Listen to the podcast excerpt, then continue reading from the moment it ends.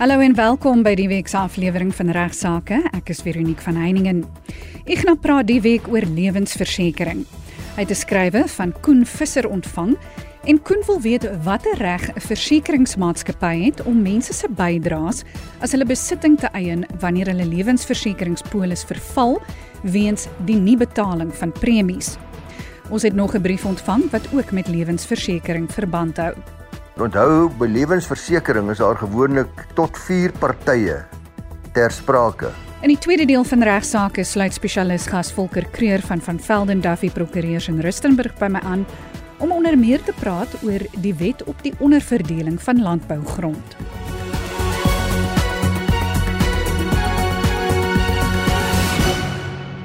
Die week begin ons die program met Igna wat die eerste van twee luisteraarsbriewe beantwoord oor lewensversekering.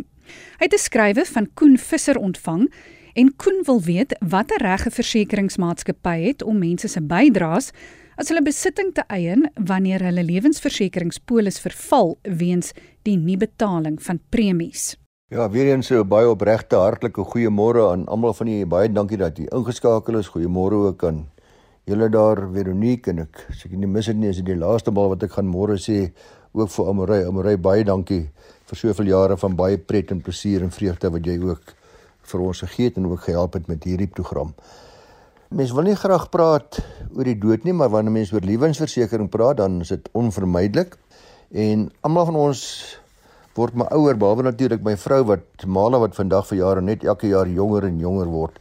Maar oor lewensversekering kry ek 'n interessante skrywe van Koen Visser wat sê hy wil graag weet watter reg het versekeringsmaatskappye om 'n mens se versekeringsbydraes as hulle besitting te eien wanneer die polis verval weens die nie betaling van premies. Hy praat hier van lewensversekering. Hy Koen het ook ander vrae gevra wat ek sommer nou wil vir hom wil sê dat dit is 'n bietjie meer ingewikkeld. Daar is 'n behoorlike konsultasie met die eie prokureur nodig. Ek sien die woorde aan Kimberley en daar's sonder twyfel prokureurs wat hier baie goed gehelp nog dalk beter as ek met die vrae wat jy het, maar daar's behoorlike konsultasies en verdere inligting nodig. Maar oor hierdie vraag van die oorlewingsversekering, my vrou en kinders sê altyd as iemand van my verskil sê ek altyd, "Wil jy weet? Kom ons weet."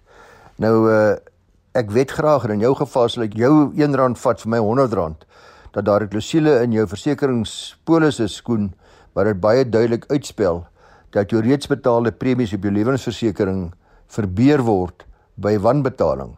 Want dis maar 'n kontrak, 'n lewenspolis is 'n kontrak tussen u en die versekeringsmaatskappy en daardie bepaling is natuurlik op albei partye van toepassing en afdwingbaar. En hulle aktuariële berekeninge kan ek u verseker, wanneer hulle kyk na die polisopbrengs wanneer u eendag sou sterf, kyk na verskillende aspekte soos byvoorbeeld die lewensverwagting, maar hulle kyk ook verseker dat die feit dat heelwat polisse ongelukkig gekanselleer word weens wanbetaling lank voordat die versekerde lewe afsterf. So ja, ongelukkig is die antwoord dan dat jy niks aan kan doen nie want dis ook net billik want die beginsel is tog dat terwyl jy wel betaal het, het jy dekking geniet. En daardie dekking sou uitbetaal het as jy gesterf het terwyl jou polis nog opbetaal was op daardie stadium. Ek kan miskien maar net noem hierso vir Koen en vir almal van ons dat dis altyd vir my so hartseer dat lewenspolisse op 'n stadium wanneer mense ouer word wanbetaal word. Want wat gebeur is mense tree af, hulle gaan op pensioen, hulle inkomste is nie meer so groot as wat dit was nie en een van die dinge wat hulle dan opbou betaal is hulle lewenspolis. Dis natuurlik baie dom want uiteraard kry die versekeringsmaatskappy dan die voordeel van al die premies wat jy reeds betaal het soos ek verduidelik het. Dit gaan dan verlore. Maar daar's 'n plan wat jy kan maak en uh, ek wil sommer voorstel dat jy ernstig oorweeg as jy in daardie posisie is wat jy begin dink daaraan om die polis net te laat verval. Dit is dat jy die begunstigdes wat jy benoem het kan versoek om dalk daardie premies oor te neem gewoonlik veral wanneer mense op 'n gevorderde leeftyd is, is daar natuurlik is dit 'n uitstekende belegging vir jou kinders as hulle byvoorbeeld die begunstigdes is om pro rata uh, gelyke dele daardie premie te betaal tot met die erfsterwe. Daar kan selde 'n beter belegging wees as dit uitgewerk gaan word. So kon ek hoop dit antwoord jou vraag en ek hoop ook dat ander luisteraars sal baie mooi dink voordat hulle sommer 'n lewenspolis kanselleer voor afsterwe. Goed, Ignas bespreek nou nog 'n luisteraarsbrief. Die brief is van Herman Koerst. Hy sê sy skoonpa is oorlede en sy skoonpa se vrou is 20 dae na hom aan COVID oorlede. Sy vrou het 'n klomp polisse aan hom bemaak, maar die eksekuteur sê dat die polisse sal nou in haar boedel ingaan en nie in syne nie, omrede hy voor haar oorlede is. Herman wil nou weet of iets hieraan gedoen kan word. Ons bly by versekerings en dis 'n briefie wat ek kry van Herman Koorts. Hy sê vinnige vraag. My vrou se pa is verlede jaar oorlede. Haar pa se vrou is 20 dae na hom oorlede. Albei het COVID gehad. Sy het 'n klomp polisse aan hom bemaak. Sy sê by watter maatskappy, maar eksekuteur sê nou daardie polisse sal in haar boedel ingaan en sy boedel is nie daarop geregtig nie, want hy het voor haar gesterf. Is dit so of kan ons iets daaraan doen? Nou, miskien belangrik om net eers iets oor die algemeen te sê oor lewensversekeringskontrakte voordat ons die vraag antwoord. Want onthou, by lewensversekering is daar gewoonlik tot 4 partye ter sprake. Eerstens natuurlik die lewensversekeringsmaatskappy, dis nou Sanlam, Liberty Life, Momentum, wie ook nogal. Tweedens kry jy natuurlik die persoon wie se lewe verseker word. Die persoon waar daar uitbetaling gaan plaasvind wanneer hy of sy sterf. Want as daai persoon te sterwe kom, dan moet die ander party, die lewensversekeringsmaatskappy, 'n sekere bedrag uitbetaling gevolg oor die kontrak. En daardie bedrag word dan natuurlik aan die derde persoon betrokke, naamlik die genomineerde begunstigde gegee. Maar wat mense egter nie besef nie en baie dikwels nie mooi verstaan nie, dat daar dikwels ook 'n vierde persoon ter sprake is, naamlik die eienaar van die polis en dis die persoon wat die kontrak met die versekeringsmaatskappy sluit. Hy het sy dan ook die reg om 'n begunstigde of begunstigdes aan te wys. En dikwels natuurlik is die eienaar en die versekerde persoon op presies dieselfde persoon, maar net wel nie altyd nie. So ek is die eienaar van die polis, dis wat dalk op my eie lewe wat verseker word en ek benoem 'n begunstigde by my dood. Dit kan ook wees dat ek is die eienaar van die polis, maar die polis is nie op my lewe nie, dit is op my ander se lewe uitgeneem. So dikwels kan daar ook 'n vierde party wees. Nou as 'n volgende stap kan ons dalk kyk na die hoe die lewensversekering by die bereddering van bestorwe boedels werk. Want dit is baie belangrik en daarom ek weer gaan kers opsteek by ons boedelspesialis hier in Rustenburg by van Velden Duffy ingeluif en Rustenburg Volker Kreer en uh hy sê dat waar die oorledene in jou boedel die persoon was wie se lewe verseker was, word die opbrengs van daardie dekking direk aan die begunstigde uitbetaal wat genomineer was. Dit word dus nie in die bestorwe boedel se bankrekening betaal nie. Gevolglik is dit nie deel van die bestorwe boedel nie vir onder andere eksiteurs vergoeding doeleindes nie. Dis egter wel nog steeds jammer daarvoor luisteraars, maar dis wat SARS sê, dis ongelukkig steeds relevant vir die boedelbelasting sommetjie wat gemaak moet word wat daarop betaalbaar mag wees. Wat egter as die eienaar van die versekering nou te sterwe sou kom, Nou natuurlik dan gaan daar geen bedrag uitbetaal word nie omdat die versekerde lewe nie verby is nie. Dis nou waar die eienaar nie dieselfde is as die versekerde lewe nie. Die lewenspolis vorm wel 'n bate in die boedel en die eksekuteur en die erfgenaam kan dus nou besluit of hulle wil voortgaan met die lewensversekering of nie. Hulle kan dus aangaan om die premies in plaas van die oorledene te betaal sodat die polis wel uitbetaal wanneer die persoon wie se lewe verseker is eendag te sterwe kom. In die luisteraar se geval het dit baie kort na mekaar gebeur. Dit wil sê die eienaar het kort voor die persoon wie se lewe verseker was gesterf, 20 dae, sê hy. En dit die epos klink dit of die vrou die eienaar was van 'n klomp polisse wat sy op haar eie lewe uitgeneem het en die eienaar en die versekerde lewe was dus dieselfde persoon. Dit blyk ook verder dat sy haar man as begunstigde benoem het, maar man het egter 20 dae voor haar gesterf. So die benoemde begunstigde was dus reeds oorlede toe sy is versekerde lewe te sterwe gekom het. Nou wie dan die polisopbrengs moet kry af van die ooreenkoms, maar waar sy nie 'n alternatiewe begunstigde aangewys het nie. Dis nou waar haar man nou vooroorlede is, dan bepaal die versekeringsooreenkoms gewoonlik dat dit na haar boedel toe gaan. Nou uh Volker en ek vermoed albei dat dit in hierdie geval ook so sou wees. Dat die inligting wat die luisteraar vir ons gegee het, blyk dit dus dat hierdie scenario korrek is die versekeringsgeld vererf dan volgens die testament van die oorledene of in testaat as daar nie 'n testament sou wees nie en dan uh, sou die pa dan dat vooroorlede is niks kry nie omdat hy reeds oorlede was en die testament of die intestate erfreg dan in werking sou tree. So daar's 'n klompie lesse wat ons moet leer, baie belangrik wat Volker ook hier vir ons uitwys. Die eerste is dat 'n mens dalk maar vir 'n alternatiewe begunstigde in jou polisbenoemings moet voorsiening maak vir ingeval 'n begunstigde vooroorlede mag wees. Baie keer besef mense nie dat van jou begunstigdes dalk voor jou te sterwe mag kom nie en selfs wanneer dit gebeur vergeet jy daarvan en gaan hersien nie jou polis nie. Dis nou natuurlik as jy nie wil hê dat die polis opbrengs na jou boedel toe moet gaan nie. Soms is dit inderdaad wat mense wil hê sodat daardie fondse beskikbaar is vir die betaling van byvoorbeeld boedelbelasting of kapitaalwinsbelasting en administrasiekoste. Nog 'n baie interessante debat wat gevoer word is of dit die moeite werd is om voort te gaan met jou polisse is daar nie regtig meer 'n behoefte vir die polis is nie. Soos ek vroeër verduidelik het, gebeur dit dat die oorledene die eienaar van 'n polis was op die lewe van iemand wat nog nie te sterwe gekom het nie. As mens dan op om die premies te betaal, verval die versekerings uiteraard. Is dit 'n goeie idee om daarmee voort te gaan?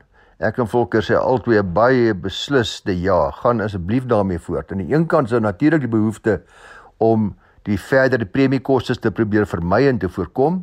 Dis vir alle sterk oorweging nie na die meer regtig die behoefte is aan die lewensversekering nie. Aan die ander kant moet 'n mens besef dat die versekeringsmaatskappy eintlik maar net wen as jy die versekeringspolis kanselleer. Dis omdat hulle natuurlik al die premies weer reeds betaal het soos ek vroeër in die program gesê het behou en niks meer aan jou hoef uit te betaal nie. As jy mens so na die saak kyk, kan jy eintlik net verloor as jy die polis kanselleer of laat verval. Dit is dus baie baie belangrik omdat my indruk is en volker sê saam dat baie mense baie keer nie bewus is van hierdie opsie om aan te gaan met die lewensversekering waar ek bloot die eienaar is en die ander persoon nog nie tot sterwe gekom het nie. Hou dit dus in gedagte wanneer 'n mens na afsterwe begin met die boedelproses, behoort 'n mens dus nie slegs te vra watter polisse daar by oorledene se lewe was nie, maar ook of 'n oorledene die eienaar was van 'n polis op die lewe van 'n ander persoon wat nog nie te sterwe gekom het nie. Baie dankie aan Volker vir waardevolle inligting wat ek glo ook vir baie van ons luisteraars van nut gaan wees en weer eens Veronique en luisteraars soveel luisteraars skakel my nog direk of probeer my direk skakel. Ek het al soveel maal gesê ek gaan nie enige telefoniese konsultasies doen nie. Dit is nie in my belang of in u belang nie en u is welkom om 'n e-pos te stuur as u dink dat dit 'n saak van algemene belang is vir almal wat luister. En as dit gaan oor u eie persoonlike probleme wat jy het sê ek altyd is 100 keer beter om jou eie prokureur te gaan spreek in die eie area waar jy woon want daardie prokureur is net so kundig en dien nie meer as ek op sekere spesialisgebiede nie. Groetnis tot volgende week. Dankie Ignas. Die week verwelkom ek graag weer vir prokureur Volker Kreur van van Velden Duffy Prokureurs in Rustenburg. Volker Kreur praat oor die wet op onderverdeling van landbougrond. Is 'n koopkontrak vir die koop van 'n deel van 'n plaas onderhewig aan die goedkeuring van die onderverdeling as opgeskortende voorwaarde geldig? Hy beantwoord hierdie en ander vrae oor die wet.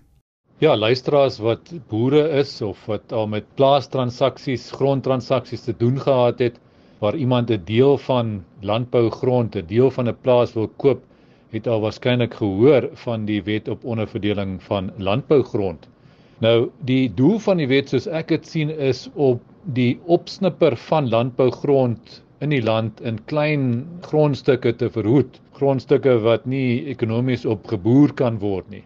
En dan dink ek kan 'n mens ook sê die oogmerk van die wet is verder meer om saam met ander wetgewing te sorg dat daar behoorlike dopstigtingsprosesse gevolg word waar iemand dalk landbougrond wil omskep in kleiner stukke grond of erwe waarop daar huise gebou kan word en so meer. So in so 'n geval moet jy dan 'n dopstigtingsproses volg en die nodige toestemmings by die munisipaliteit en so meer bekom en ook 'n algemene plan indien by die aktekantoor en die landmete generaal et cetera. So die idee is dat landbougrond landbougrond bly waarop ekonomies geboer kan word. Nou kom ons vat 'n uh, voorbeeld. Sien nou maar Jan wil 'n stuk grond van sy buurman Piet koop van sy plaas. Die twee kan dan nie sommer net 'n koopkontrak sluit om die gedeelte te verkoop nie, waar daar dan 'n onderverdeling nodig mag wees nie. Die wet bepaal spesifiek dat jy in so 'n geval die toestemming van die minister van landbou moet bekom vir die onderverdeling. En die wet verbied selfs die sluit van 'n ooreenkoms wat onderhewig is aan die onderverdeling van landbougrond. So dis hoe ver die wetgewing gaan. Jy kan nie eens 'n kontrak sluit nie wat dikwels 'n frustrasie is omdat dit soort van nie met die kommersiële realiteite tred hou nie, maar dit is nou maar wat die wet sê. So mense sit met daai kopseer as jy 'n deel van landbougrond wil koop. So in so 'n geval moet daar dan ook onderverdelingskaarte opgestel word, behalwe nou vir die toestemming wat die minister moet gee en die moet by die landmeter-generaal se kantore geregistreer word. Die minister sal ook nie sonder meer net toestemming gee vir die onderverdeling, daar moet 'n goeie motivering wees. Baie kere help dit as daai stukkie grond weer gekonsolideer word met 'n ander stuk landbougrond en so meer. So ja, dit hang nou maar af van omstandighede en die feite of die minister dan wel so toestemming sal gee vir 'n onderverdeling. Maar dis nou maar 'n paar basiese beginsel wat die wetgewing aanbetref wat 'n mens in gedagte moet hou. Maar hier's 'n paar spesifieke vrae wat uh, ek uh, dalk kan probeer antwoord en ek sou eintlik nuuskierig wees of ons luisteraars wat regsgeleerdes is antwoorde op hierdie vrae het. Kom ons vat die volgende feite stel. Gert se buurman wil met slakke op Gert se plaas boer. Hy het sy navorsing gedoen en tot die slotsom gekom dat dit 'n baie winsgewende besigheid kan wees. Hy het egter water nodig wat op die buurman se plaas is. Hy wil ehm um, nou as 'n plan B in plaas daarvan dat daar 'n onderverdeling plaasvind, hy weet nou van die wet op onderverdeling van landbougrond, wil hy liewers die grond huur vir 'n tydperk van 20 jaar, want hy sê dit is lank genoeg. Hy kan dan regverdig om die geld te spandeer om die grond te verbeter sodat hy met sy slakke daar kan boer, die water kan gebruik omdat hy dan sekerheid het dat hy vir ten minste 20 jaar daai deel van die plaas beskikbaar gaan hê. Vraag is is so 'n huurkontrak geldig? Mag hulle dit met ander woorde eh, doen basis basies om die probleem van die wet op onderverdeling van landbougrond te voorkom of is die wet dan ook in so 'n geval van toepassing? Antwoord is ongelukkig vir Gert se buurman kan hy dit nie doen nie. Nou die idee van die wet is soos ek sê om te voorkom dat landbougrond in klein stukkies opgesny word. Nou as jy dan sou toelaat dat hulle byvoorbeeld 'n langtermyn huurkontrak van sê nou maar 99 jaar sluit vir 'n deel van landbougrond, dan was die idee van die wetgewer bereik hulle eintlik dieselfde doel met 'n ompad. So dis hoekom die wet spesifiek 'n langtermyn huurkontrak ook verbied van 'n deel van landbougrond sonder die minister se toestemming. En 'n langtermyn huurkontrak word in die wet gedefinieer as 'n tydperk van 10 jaar of langer vir so 'n huur. So 'n tydperk van 20 jaar is uiteraard langer as die 10 jaar, so dit gaan nie werk nie. Al wat jy kan doen is jy kan 'n huurkontrak sluit vir minder as 10 jaar, byvoorbeeld 9 jaar en 11 maande vir 'n deel van die landbougrond en dit is dit. Volgende vraag is wat as hulle 'n huurkontrak sluit vir 9 jaar en 11 maande met 'n opsie om dit te verleng vir nog 9 jaar en 11 maande. Met ander woorde in totaal ook amper 20 jaar. Antwoord is en daar's duidelike gesag daaroor is dat dit ook nie werk nie. Die opsie tydperk met ander woorde is ook 'n uh, tydperk wat in berekening gebring moet word om te bepaal of dit 10 jaar of langer is en dan geld die wet weer eens en dan moet jy weer eens die minister se toestemming kry. So dit is ongelukkige oplossing wat nie kan werk nie. Ek het al gesien dat sulke kontrakte opgestel word en uh, ek neem aan advies is dan ook ingewin om te sê dat so iets dan gebruik kan word om die probleem op te los van die wet op onderverdeling van landbougrond, maar dit is nie so nie. Daai opsie tydperk is definitief ook deel van die relevante tydperk. So as die opsie tydperk saam met die aanvanklike tydperk meer as die 10 jaar, 10 jaar of meer is, dan uh, is die wet van toepassing en uh, moet jy die toestemming bekom. Die volgende vraag is wat van servitute? Geld die wet op ondervinding van landbougrond ook waar jy nou 'n servitut registreer oor 'n deel van landbougrond? Moet jy dan ook die minister se toestemming kry Nou hier is artikel 6 groot A van die wet relevant wat spesifiek vir servitute op landbougrond voorsiening maak. Nou 'n servituut kan dus slegs op landbougrond sonder die minister se toestemming geregistreer word as dit onder een van die uitsonderings val wat in daai artikel gelys word. Nou een uitsondering is byvoorbeeld 'n uh, reg van weg met 'n wyte van nie meer as 15 meter. So dit kan jy byvoorbeeld wel registreer sonder die minister se toestemming of byvoorbeeld ook 'n reg van waterleiding weer eens met 'n wyte van nie meer as 15 meter nie. So dit kan dan wel gedoen word.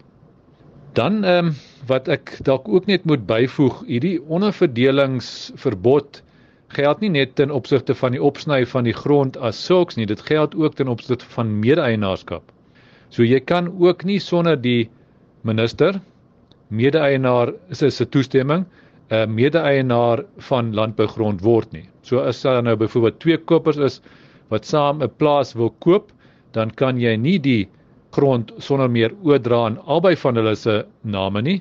Selfs al is hulle getroud buite gemeenskap van goedere as hulle binne gemeenskap van goedere getroud is is iets, iets anders. Maar as hulle buite gemeenskap van goedere getroud is dan kan jy dit ook nie in albei hulle se name oordra sonder die minister se se toestemming nie.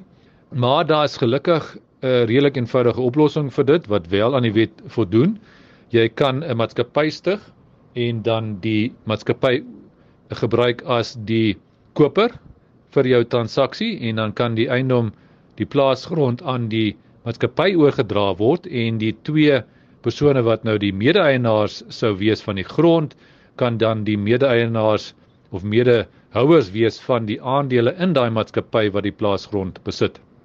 Dis ook 'n roete wat ons dikwels volg in die geval van boedelbeplanning en vererwing.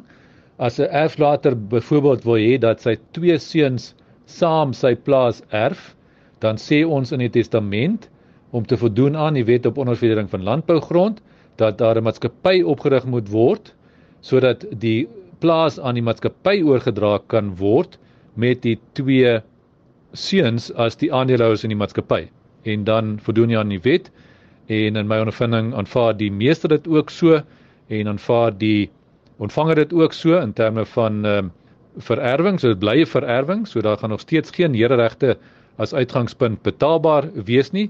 So dis 'n gelukkig redelik eenvoudige oplossing wat 'n mens daar kan in plek sit om dan die uh, grond nog steeds tot voordeel van die twee seuns oor te dra. So ja, dis nou maar 'n klompie wenke en antwoorde wat ek sou gee op daardie vraag ten opsigte van die wet op onderverdeling van landbougrond. Baie dankie aan Volker Creer van van Velden Duffy Prokureurs in Rustenburg en natuurlik vir Ignas Kleinsmid vir hulle bydraes tot vandag se program. Vir enige navrae stuur gerus 'n e-pos na my toe by vero@rsg.co.za. Jy is ook welkom om 'n SMS te stuur na 45889. Elke SMS kos R1.50. Van my Veronique van Heiningen groete tot volgende week.